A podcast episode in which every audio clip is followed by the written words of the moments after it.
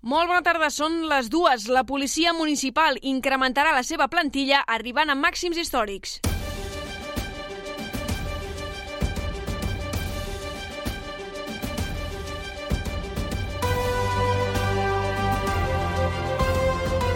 Notícies migdia amb Helena Molist.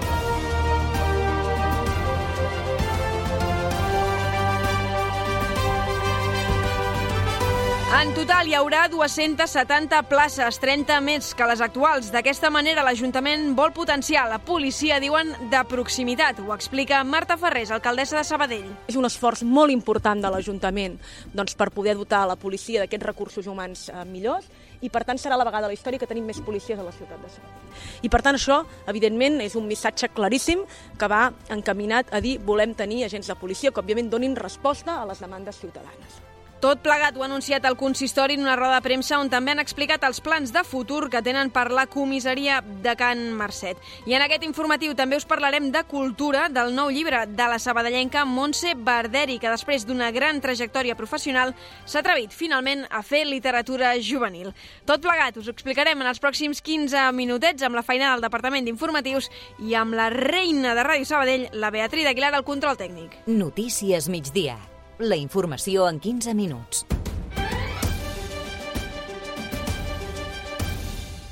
Els serveis. Renfe funciona o no? És la pregunta que ens fem tots eh, cada matí. Albert Garran. Doncs eh, fins al moment parlem de normalitat a la xarxa de transport públic de l'àrea de Barcelona. Sí que destaquem que pel Mobile TMB ha reforçat el dispositiu de mobilitat on a banda de poder arribar amb les línies L9 Sud i L10 Sud de metro, dels ferrocarrils de la Generalitat a plaça Europa i busos com l'H12 TMB ha organitzat un servei de busos llançadora directes entre plaça Espanya i Gran Via de l'Hospitalet. Per aquest motiu, l'ocupació de passatgers en aquestes línies pot ser superior a l'habitual durant tota la jornada. De moment això és tot des del Transmet. Bon dia! I pel que fa a les carreteres que envolten la ciutat, tranquil·litat absolutíssima a aquesta hora. La notícia del dia. La plantilla de la policia municipal creixerà en una trentena d'agents més en els pròxims mesos i així serà com s'arribarà als 270 efectius al màxim històric a la prefectura de Sabadell. Júlia Ramon, què tal? Bona tarda. Bona tarda, Helena. Aquest ha estat un dels titulars que ha anunciat avui l'alcaldessa Marta Ferrés, però no ha estat l'únic. No, i és que també es dotarà el cos de més recursos materials. Concretament s'incorporaran 10 motos més, dues furgonetes i més material per a la detecció de drogues i sistemes que mesurin la velocitat. En aquest sentit, s'incrementaran els controls de trànsit i el patrullatge als carrers, però això no vol dir que hagi augmentat la inseguretat a la ciutat. Així de clau ha volgut deixar Ferrés. Crec que aquestes decisions un les pot pensar bé i les pot prendre bé quan estàs en un moment que tot funciona, perquè si no el que fas és anar a contracor i per tant dir no tinc un problema i vaig a solucionar aquell problema. No, estem bé, és a dir, la ciutat de Sabadell, estem bé, entén-me, eh? hi ha problema, ho deia abans, no vol dir que no passi res. És a dir, tenim problemes de civisme, com a totes les ciutats, de convivència, però és veritat que en grans termes som ciutat, o Sabadell és una ciutat segura.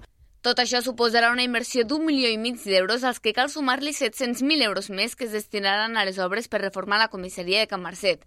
L'actuació més destacada aquí serà a la planta baixa i va dirigida a millorar el tracte a l'usuari. Adrián Hernández, el tinent d'alcaldessa de Seguretat, ha explicat els canvis. L'entrada estarà separada de la gent que ve per fer una denúncia de la gent que ve per buscar informació o, o, o d'altra tipologia i una zona interna de treball mm, que ara no teníem pels comandaments i, i agents del torn. Tot això s'anirà implementant a partir de l'abril i la previsió és que les obres estiguin acabades a finals d'any. Tota la informació a Ràdio Sabadell. En successos, la família de Pedro Fernández, la víctima del crim de les Bessones, ha estat disposada a arribar fins al final per aconseguir que condemnin els tres acusats a la pena màxima de 25 anys de presó. Consideren que les penes actuals, d'entre 20 i 17 anys, són insuficients, tenint en compte que l'assassinat va ser premeditat. Ho ha explicat la seva exdona Marina Berruezo al Cafè de la Ràdio. I nosaltres vam pensar que això no era el que tenia que ser. Nosaltres pedíem 25 anys y además fue, va, va ser un assassinat amb alevosia i premeditat, o sigui que nosaltres volem les 25 anys. I per això la família es va presentar ahir davant del Tribunal Superior de Justícia per presentar les seves reticències a la sentència final. Mireia Sanz, molt bon dia.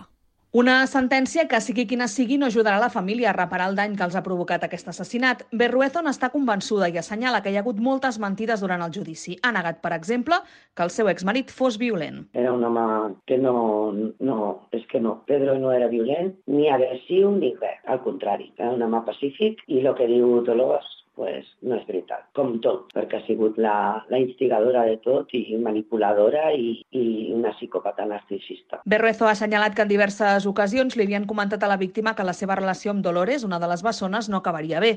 En declaracions a Ràdio Sabadell ha destacat que prenia drogues i que bevia molt sovint, una situació que no era recomanable. Ràdio Sabadell.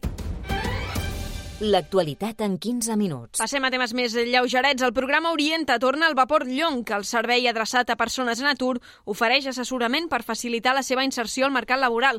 L'objectiu és que adaptin les seves competències a les demandes de l'entorn empresarial del territori. Pau Duran, què tal? Bona tarda. Bona tarda, Helena. Doncs mira, el programa impulsat per la Generalitat ha d'atendre un mínim de 270 persones l'any. Segons Eloi Cortés, tinent d'alcaldessa de serveis a les persones, a Sabadell s'ha superat amb escreix. Dir-vos que l'any 2023 vam superar àmpliament aquestes xifres amb un total de 334 persones ateses, de les quals 140, eh, quan van finalitzar aquesta acció formativa, van comunicar que havien trobat feina. Els interessats a participar en el programa han d'estar inscrits al Servei d'Ocupació de Catalunya amb una demanda activa en el moment d'iniciar-lo. Després només cal demanar una cita. Això es pot fer a l'oficina de treball corresponent, al Vapor Llong o a través del web de l'Ajuntament. I en salut, el Servei d'Otorrinolaringologia del Taulí atén cada any entre 21.000 i 23.000 visites, un gruix molt important de les quals són per problemes d'audició. Són dades que hem conegut coincidint amb la commemoració aquest diumenge que ve del Dia Mundial de l'Audició. Karen Madrid, molt bona tarda. Bona tarda. Moltes de les persones diagnosticades, però, presenten resistències a l'hora d'utilitzar un audiòfon, encara que el necessitin. Segons la directora de la Unitat d'Otorrinolaringologia del Taulí, Rosa Rosell, encara hi ha un fort estigma entorn als problemes d'audició. Són declaracions al programa al matí. Els dèficits visuals als quals estem molt acostumats fan que la gent a vegades tendeixi més a ajudar la persona que no hi veu, no ens fa cap mandra ni cap estigma portar Exacte. unes ulleres, uh -huh. Però en canvi a la persona que no hi sent doncs molt cops en lloc d'ajudar-la a les renyes, no? el que no t'has enterat, val? i no està socialment ben acceptat posar-se un audífon quan moltes vegades caldria, i jo crec que s'ha d'anar uh -huh. fent palès, vull dir, som molts, ens fem grans i sentirem pitjor i això no ha d'impedir fer una vida normal. A banda de l'estigma, moltes persones que necessiten audiòfon no el compren pel seu elevat preu, i és que aquest aparell ha evolucionat considerablement en els últims anys, fins a convertir-se en un element de tecnologia punta, amb intel·ligència artificial incorporada.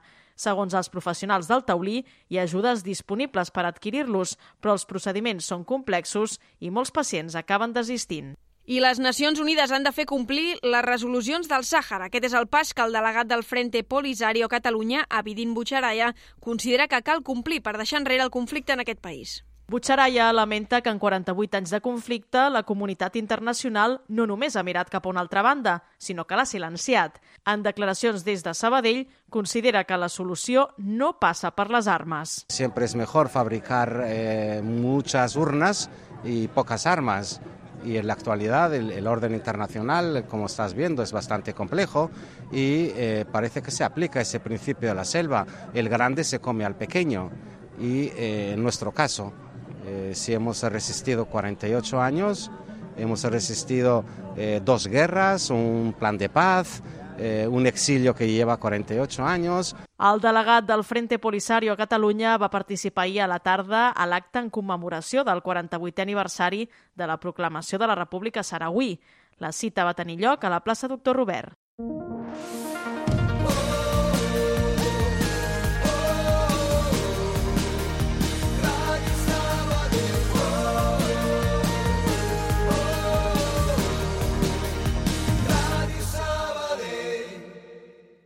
Catalunya està en emergència per sequera. Després de 3 anys sense pluges, les reserves dels embassaments i els aqüífers han anat baixant progressivament, passant del 80% fins al 16% actual. Pots consultar les restriccions del teu municipi al visor de la sequera entrant a sequera.gencat.cat. A més, recorda que pots contribuir a l'estalvi d'aigua amb molts petits gestos l'aixeta mentre et rentes les dents. Prioritza la dutxa en comptes de la banyera, no facis servir el vàter com si fos una paperera o posa la rentadora quan només és plena. Estalvia aigua. És urgent. És un missatge de la Generalitat de Catalunya amb la col·laboració de Ràdio Sabadell. Coneixes l'app de Taximés? Descarrega-te-la i reserva un taxi còmodament des de la nostra app. Més informació a taximesapp.com. Taxi! Ràdio Taxi Sabadell. El teu taxi de referència a Sabadell. Ràdio Sabadell. Notícies. Cultura. La sabadellenca Montse Barderi ha escrit la seva primera novel·la juvenil. S'anomena La Teresa se'n va a la lluna i ha estat il·lustrat pel pintor sabadellenc Ramiro Fernández. També és la primera publicació de l'escriptora amb l'editorial Estrella Polar, una col·laboració amb la qual la sabadellenca ha quedat molt satisfeta. La protagonista de la història és la Teresa. Barderi ho ha explicat al programa al matí. Doncs és una història d'una nena que, que això que vol marxar a la lluna i fa un coet al pati de casa seva. I clar, això pot semblar com poc, com poc intel·ligent i és evident, però quants coets ens muntem a casa per anar a la lluna al llarg de la vida amb relacions, amb coses que, que veiem claríssimes i després amb el temps veiem que allò no podia ser. I després també penso que parla de, de la superació, del fet de, de que al final les coses sí que poden passar però no sempre com tu voldries o com a tu t'agradaria. L'argument parla de la importància d'aprendre a gestionar les frustracions. La intenció és donar-los eines als joves i fer-los més resilients. Així té importància la salut mental i també referències del moment, com ara Stranger Things o La Muixca. En destaquen també les joves conselleres, tot plegat generant moments poètics i de realisme màgic. El llibre s'ha editat amb tapa dura i amb una imatge per capítol, a més de la coberta, totes elles dibuixades per Ramiro Fernández. La primera idea era només fer la coberta, oi? Llavors la Patrícia ens va suggerir sí, si podíem fer sí. unes vinyetes a cada capítol. Uh -huh. I, és clar, així és com la sí. coberta és més, diríem que és captat a l'esperit d'una manera més, més general i menys descriptiva, les vinyetes de, de cada capítol els vam discutir amb la Montse un a un, eh? O sigui que és una cosa que la vam fer entre els dos. L'editorial ha programat pel febrer la sortida del llibre en vista a la Diada de Sant Jordi. També es veuran enganxines a les escoles amb les imatges de l'obra. Es presentarà a la llar del llibre el 12 de març a les 7 de la tarda. I atenció a aquesta història, perquè Rafael Gustavino, conegut com l'arquitecte de Nova York per haver dissenyat molts dels edificis més emblemàtics de la ciutat que mai dorm, és, com no podia ser d'una altra manera, de Sabadell. Sí, ho ha descobert fa poc Josep Llobet, el seu company de professió, i qui ha explicat a Ràdio Sabadell perquè aquest gran arquitecte ha passat, ha passat tan desapercebut es deriva més cap a constructor realitzador que, que, que com a projectista arquitecte. I això eh, és el que fa una mica que l'hagi conegut poc i, de fet, als Estats Units només se'l coneix quan la Jacqueline Kennedy Onassis escriu una carta a l'alcalde perquè estaven a punt d'enderrocar la gran Central Station de, de, de Nova York. I llavors és quan diuen, i aquestes voltes qui les ha fet? I llavors és quan comença a sortir el nom de Guastavino. Aquí a Sabadell es pot veure la seva firma a l'antic despatx de Domènec Buixeda a la Rambla, però també va deixar empremta a altres ciutats catalanes, com per exemple a Vilassar de Mar. La seva obra, però, es remunta al segle passat i hi ha pocs llibres que recullin la seva biografia o la seva trajectòria professional. El temps. Núvols prims al centre de Sabadell. Què ens espera per les pròximes hores arreu del territori? Com sempre, Lluís Mípez, molt bon dia.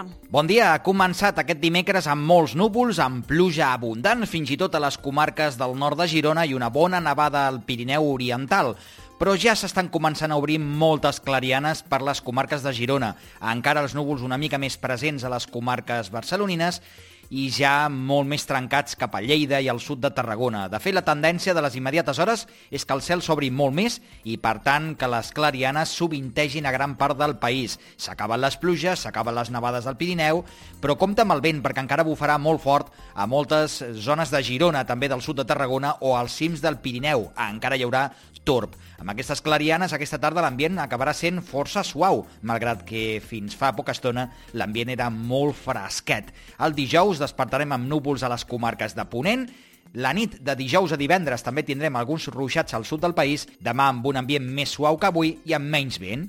Us seguirem a la xarxa. Marxem, fins demà!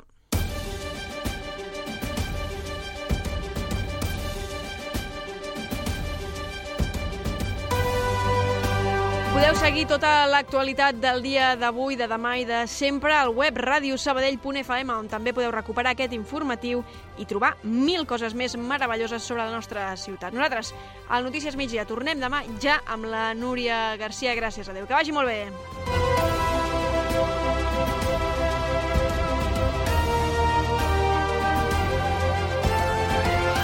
Allà on siguis, escolta'ns online. En directe.radiosabadell.fm